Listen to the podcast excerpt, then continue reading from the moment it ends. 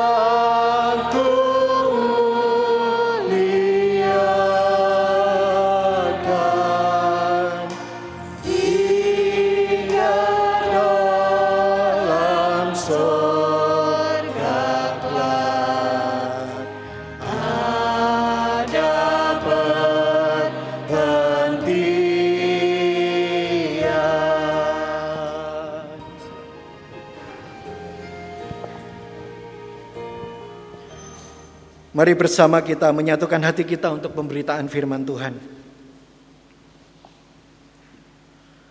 Sungguh kami bersujud di depan kaki salibmu. Kami yang adalah anak-anakmu yang rentan terhadap dosa dan kelemahan ini. Kami yang adalah orang-orang yang sering kali menjauh daripadamu ya Tuhan. Tetapi kami bersyukur bahwa Tuhan selalu menyediakan salib itu bagi kami di mana kami bisa mengingat di dalam kehidupan kami ada hal yang sungguh berharga, yaitu keselamatan yang Tuhan beri atas kami. Kami percaya melalui keselamatan yang daripadamu itulah kami dapat hidup dan menjalani setiap tanggung jawab kami. Dan saat ini ya Tuhan kami juga tersungkur di depan salibmu. Kami memohon hikmat untuk firman yang akan kami dengarkan bersama-sama. Biarlah Tuhan sendiri yang berbicara melalui hambamu yang tidak luput dari kesalahan ini.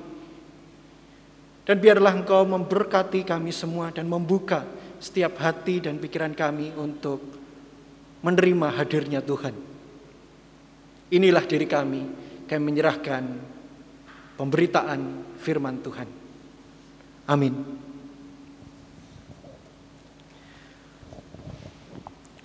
Bapak Ibu Saudara yang terkasih dalam nama Tuhan mari kita bersama membaca Injil Tuhan Yesus Kristus menurut Yohanes pasalnya yang kedua. Ayatnya yang ke-13 sampai dengan 22.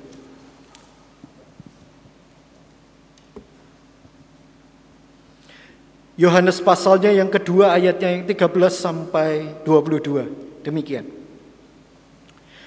Ketika hari raya Paskah orang Yahudi sudah dekat, Yesus berangkat ke Yerusalem. Dalam bait suci didapatinya pedagang-pedagang lembu, kambing, domba, dan merpati, dan penukar-penukar uang duduk di situ. Ia membuat cambuk dari tali, lalu mengusir mereka semua dari bait suci dengan semua kambing domba dan lembu mereka. Uang penukar-penukar dihamburkannya ke tanah dan meja-meja mereka dibalikkannya.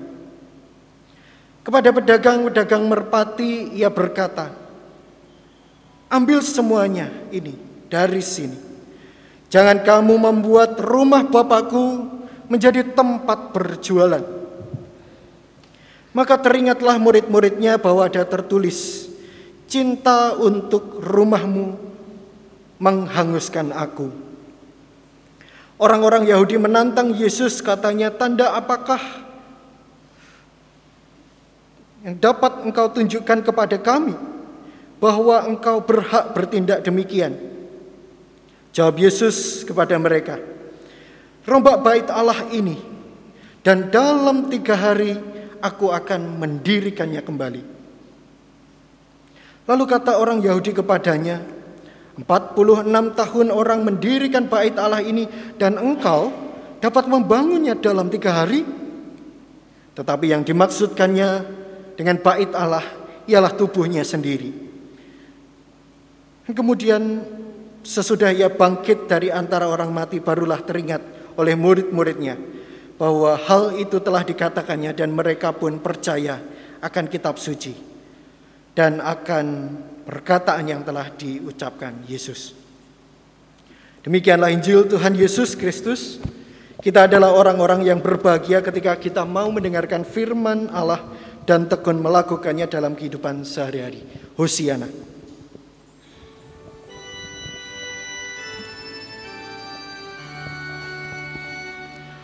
Hosiana, Hosiana, Hosiana.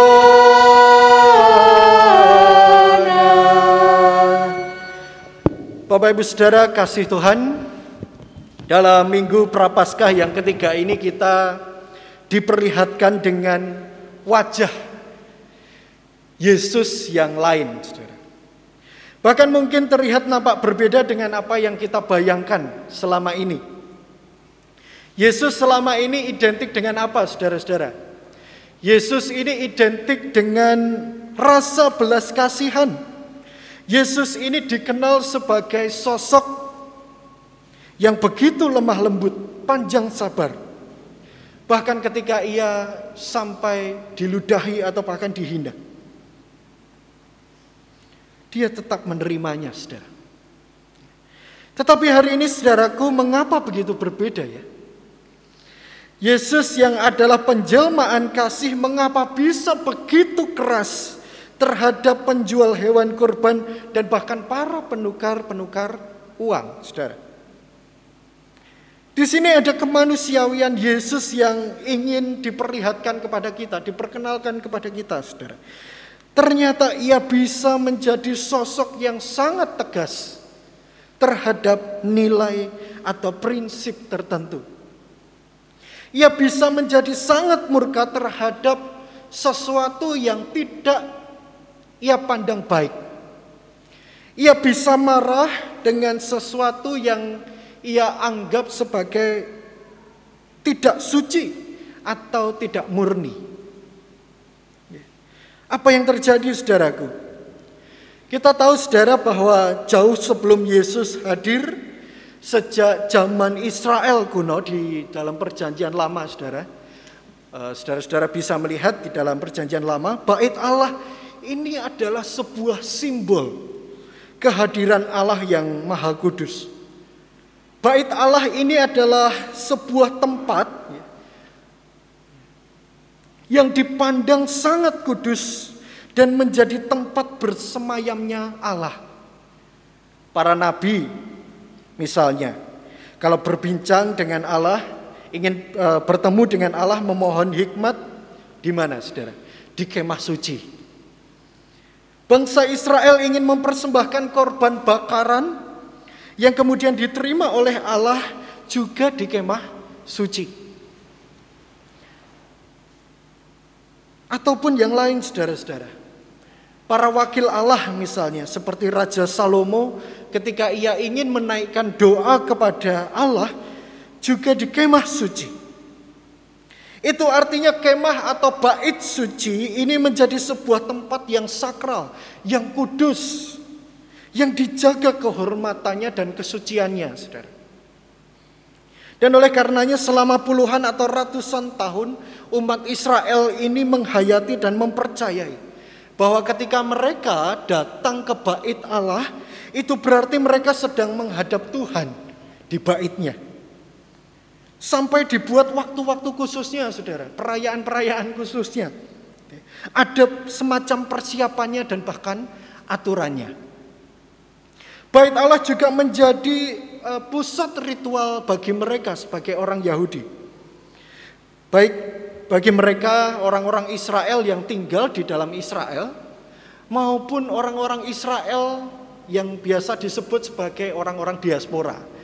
Diaspora itu apa, Saudara? eh, diaspora itu adalah orang-orang Israel yang tinggal di luar negeri. Sama seperti ketika Bapak Ibu eh, orang Indonesia kemudian tinggal di eh, negara lain, misalnya Amerika misalnya. Nah, itu kira-kira ya.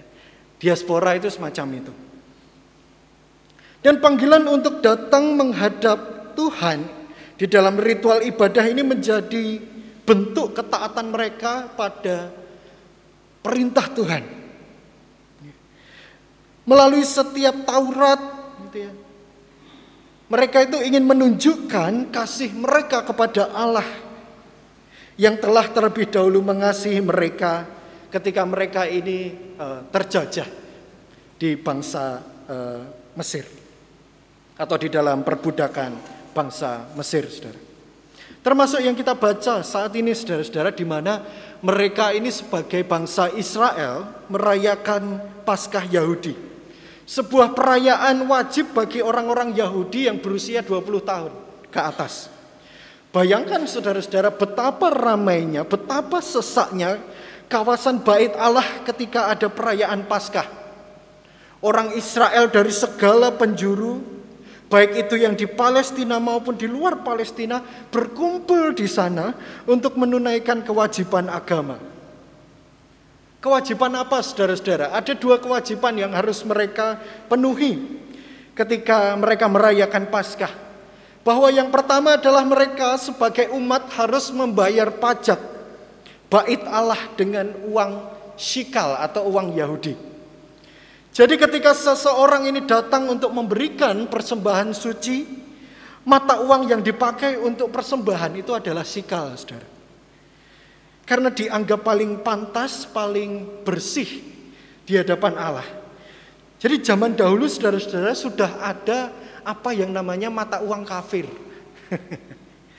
mata uang kafir. Ada banyak orang, eh, banyak mata uang asing yang sah sebenarnya di negara Israel sebagai alat pembayaran di zaman itu. Tetapi khusus untuk persembahan saudara-saudara, mereka harus memakai mata uang sikal. Nah, tidak heran saudara-saudara di mana di sana ada para penukar uang ini tadi. Bapak Ibu Saudara mungkin bertanya kok ada para penukar uang di bait Allah itu untuk apa gitu ya. Ya ini fungsinya saudara-saudara.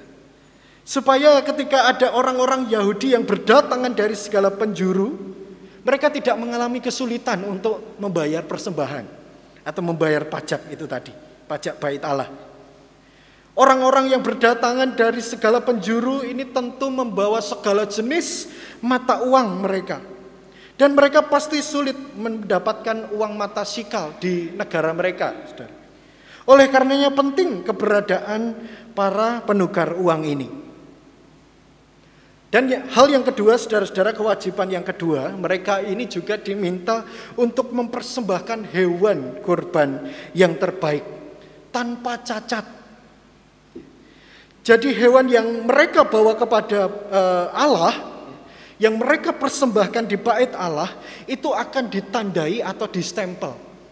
Nah, ini hewan yang baik, tidak cacat. Oh, ini hewan yang tidak baik kurang sempurna, kira-kira demikian. Nah, persoalannya saudara-saudara, mereka ini kan datang dari segala penjuru. Jika Bapak Ibu e, tinggal di luar kota misalnya akan datang ke Mojosari ya. Dan kita akan misalnya mempersembahkan e, kurban misalnya gitu ya. Bukankah lebih mudah ketika kita mencari atau membeli hewan kurban itu di sekitar bait Allah. Ya. Nah, fungsinya demikian, saudara-saudara. Daripada susah, gitu ya, daripada mereka ini mengalami kesulitan membawa ternak dari tempat mereka masing-masing, lebih baik beli saja di sekitar bait Allah. Di sana ada penjual kambing, domba, lembu, merpati, dan yang lain untuk membantu para peziarah yang datang untuk mempersembahkan korban. Oleh karenanya saudara-saudara sebenarnya keberadaan para pedagang dan penukar uang ini sangat membantu. Maksudnya baik saudara. Tujuan atau motivasinya juga baik untuk membantu sesama. Mempermudah orang lain yang ingin datang kepada Tuhan berjumpa dengan Tuhan. Lalu saudara-saudara mengapa Yesus ini bisa menjadi begitu marah? Bukan karena jualannya saudara-saudara, melainkan semangat atau tujuan ini tadi yang luntur. Yang pada awalnya yang begitu ditekankan adalah semangat untuk menolong orang-orang pesiarah-pesiarah ini saat itu berubah menjadi tempat penindasan dan bahkan pemerasan yang tidak manusiawi. Ketika ada orang yang ingin menukar uang, mereka harus membayar sejumlah biaya. Baru mereka bisa mendapatkan uang sikal itu. Sama seperti ketika kita uh, tukar uang itu, saudara-saudara. Tapi kalau jaraknya tidak jauh, tidak apa-apa, saudara-saudara. Ini bunganya, ini bisa berlipat-lipat. Dan bahkan ada satu penafsir di sana yang mengatakan keuntungan mereka itu kalau dikurskan sekarang, di zaman sekarang itu kira-kira bisa sampai setahun itu 20 sampai 30 juta. Itu bukan uang yang sedikit, Saudara. Dari bunga-bunga itu. Itu bukan uang yang kecil bagi orang-orang yang terkadang datang jauh-jauh bukan orang yang kaya, Saudara. Bisa jadi mereka adalah orang yang miskin, tetapi begitu datang ke bait Allah, mereka diperas sedemikian rupa. Bila ada orang yang ingin mempersembahkan korban, para pedagang ini kemudian kong kali kong dengan para imam supaya para pesiarah ini beli di kios-kios yang disediakan itu tadi. Jadi sebisa mungkin hewan korban yang datang dari jauh dikatakan cacat, saudara-saudara. Oh, ini nggak baik. Oh, ini korban yang tidak sempurna. Beliau itu loh di depan sana. Nah, kira-kira demikian. Dan harganya saudara-saudara jangan tanya.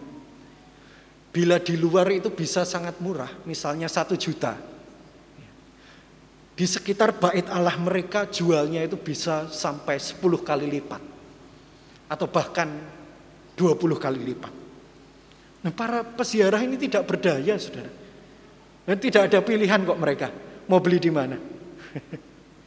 Tetapi mau tidak mau mereka harus melewati itu.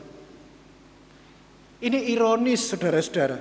Orang-orang yang sehari-harinya dekat di bait Allah saja yang tiap hari melihat orang-orang yang sembahyang, para pesiarah ini belum tentu memiliki kepedulian iman atau kedewasaan iman. Belum tentu memiliki cinta yang murni, yang baik kepada Allah maupun sesama manusia. Ini sungguh menyedihkan, saudara. Kita lihat saudara, di satu sisi ada banyak orang yang datang berbondong-bondong rindu kepada Tuhan ingin mengalami sapaan dan perjumpaan dengan Tuhan, ingin menyucikan pikiran mereka, hati mereka, hidupnya dari dosa. Mereka menerangi hidupnya dengan dekat dengan Allah.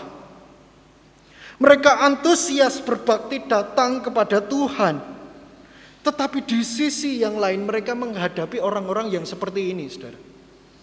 Orang-orang yang datang dengan pikiran lain bahwa tempat ini adalah peluang bisnis. Tempat ini adalah tempat yang baik untuk meraup keuntungan. Orang-orang yang tidak benar-benar mencintai rumah Tuhan. Bait Allah bagi mereka hanyalah sekedar situs keagamaan, saudara. Tidak lebih Situs keagamaan yang dibangga-banggakan. Dan mereka tidak lagi menganggap bahwa Tuhan itu hadir di bait Allah itu. Bahwa Tuhan itu ada di sana. Mereka tidak menganggap bahwa Tuhan itu bersemayam di bait Allah. Mereka juga tidak pernah berpikir apakah Tuhan berkenan dengan apa yang mereka lakukan. Yang penting pesiarah banyak yang datang, dan saya untung. Tidak menjadi berkat malah menghalang-halangi orang-orang yang datang beribadah, saudara. Itulah sebabnya saudara-saudara Yesus ini menjadi begitu murka dan marah. Setiap bait Allah di dunia ini berhak untuk dibongkar oleh Tuhan sebagai bait Allah yang sejati. Yesus ini menganggap bahwa bait Allah itu adalah sebagai rumah Bapa. Karena di sanalah tanda kehadiran Allah. Tetapi saudara-saudara yang ia temukan justru saat itu adalah kehadiran Allah justru diabaikan. Lantaran tempat itu dipenuhi oleh orang-orang yang hanya ingin berjualan dan mencari keuntungan, bukan beribadah kepada Allah. Kita pun saat ini menyebut bangunan gereja ini sebagai rumah Tuhan, saudara. Sebab di sanalah atau di sinilah, saudara, kita mempercayai bahwa kita juga berjumpa dengan Tuhan. Gereja bukanlah bangunannya. Gereja bukanlah sekedar bangunan yang kita datangi setiap minggu, tetapi di mana Allah ada juga di sana. Tetapi cilakanya saudara-saudara ketika kita ingin menghadap Tuhan, tidak setiap dari antara kita mau untuk menempatkan diri kita. Ini layaknya berjumpa dengan Tuhan. Tidak setiap dari antara kita yang ketika kita datang untuk beribadah, kita ini sama seperti berjumpa dengan Tuhan, saudara. Bila boleh jujur saudara-saudara, barangkali kita lebih mudah atau lebih senang untuk ya sudah kalau ke gereja ya ke gereja saja. Kalau tidak bisa ya nggak apa-apa. Gitu ya. Atau kalau saya datang dengan keberadaan diri saya yang demikian ya sudah, tidak apa-apa. Kita tidak mempersembahkan yang terbaik ketika kita datang kepada Allah.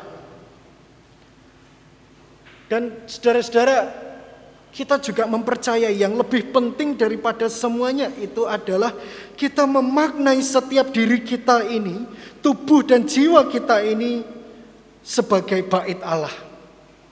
Tempat Allah bersemayam. Dan diri kita masing-masing ini adalah rumah bagi Tuhan, saudara-saudara. Bila Bapak Ibu Saudara dan kita semua tahu dan bahkan menyadari apakah kita benar-benar sesungguhnya menjadikan tubuh kita dan hati kita ini sebagai tempat kediaman bagi Allah yang suci, yang nyaman, yang bersih bagi Allah. Kita mungkin bisa mengatakan, "Oh, ya, bait Allah itu kan bukan hanya tentang bangunan." Bait Allah itu adalah kita. Ya, saya setuju, saudara. Tetapi pertanyaannya yang paling penting adalah, pantaskah Kristus ini bertahta di hati kita, di dalam kehidupan kita, saudara? Benarkah kita menyediakan diri kita sebagaimana layak untuk ditinggali oleh Allah?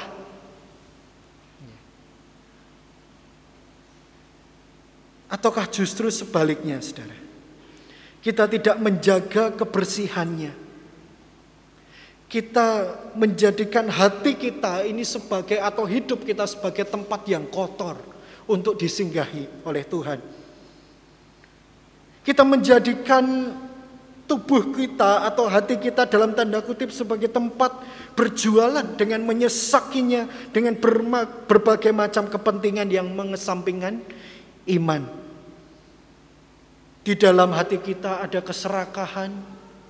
Di dalam hati kita ada iri hati, nafsu, kebencian, kemarahan, kebohongan, dan lain sebagainya. Bayangkan Bapak Ibu Saudara bertamu atau bahkan tinggal di sebuah rumah yang isinya itu adalah kemarahan. Isinya adalah amarah, Isinya adalah perasaan-perasaan yang negatif, saudara. Tentu Bapak Ibu saudara dan kita semua tidak nyaman, bukan? Nah ini bayangkan kalau kita menjadi Tuhan. Betapa tersiksanya Tuhan ketika ia menjadi manusia yang tinggal di dalam rumah hati kita ini. Coba kita lihat saudara-saudara. Dan bahkan ketika Yesus ini sampai seperti apa yang dilakukannya di bait Allah. Dia sebenarnya berhak untuk membongkar bait Allah kita. Tetapi apa yang kita lakukan saudara? Kita menjadi orang-orang yang marah. Tuhan janganlah dibongkar ini bait Allah saya. Ya memang isinya seperti ini kok, ya jangan dibongkarlah. Kita menjadi marah ketika hati kita dibongkar. Bait Allah kita, tubuh kita ini dibongkar. Atau malah kita ini salah fokus saudara-saudara seperti orang-orang yang lain begitu ya. Kita marah bila tempat ibadah kita itu dikotori atau dirusak. Tetapi kita tidak pernah memarahi diri kita sendiri ketika kita merusak hati kita, pikiran kita, dan raga kita. Tempat sejatinya Kristus itu bersemayam. Kita tidak pernah marah kalau kita sendiri yang mengotorinya. Saudara-saudara, prapaskah ini masih terus berjalan. Dan ini adalah sebuah kesempatan yang baik untuk membersihkan dan menyucikan kembali bait suci kita di dalam pertobatan dan cinta kasih agar layak untuk ditinggali oleh Tuhan. Agar layak untuk dijadikan sebagai rumah Tuhan. Dan di tempat yang layak ini dia akan menjadikan diri kita sebagai berkat bagi banyak orang. Sudahkah Bapak Ibu Saudara dan kita semua menjadikan diri kita sebagai rumah yang nyaman untuk ditinggali? Rumah yang nyaman untuk didatangi oleh setiap orang. Rumah yang menyediakan kedamaian bagi banyak orang yang susah itu tadi loh Saudara. Ataukah justru kita menyesakinya dengan hal-hal yang tidak baik bait Allah kita ini? Kita yang saat ini sebelum masuk ibadah, ruang ibadah, cuci tangan atau memakai hand sanitizer, saudara-saudara. Tetapi apakah kita juga memperlakukan hal yang sama untuk hati kita? Kita memakai hard sanitizer. Sebelum masuk ke sini sudah memakai hard sanitizer belum, saudara? Ya. Bahwa hati kita ini butuh untuk disucikan. Tubuh bait suci kita ini butuh untuk disucikan. Dan mari kita membuka diri kita untuk Tuhan yang akan tinggal dalam diri kita. Amin.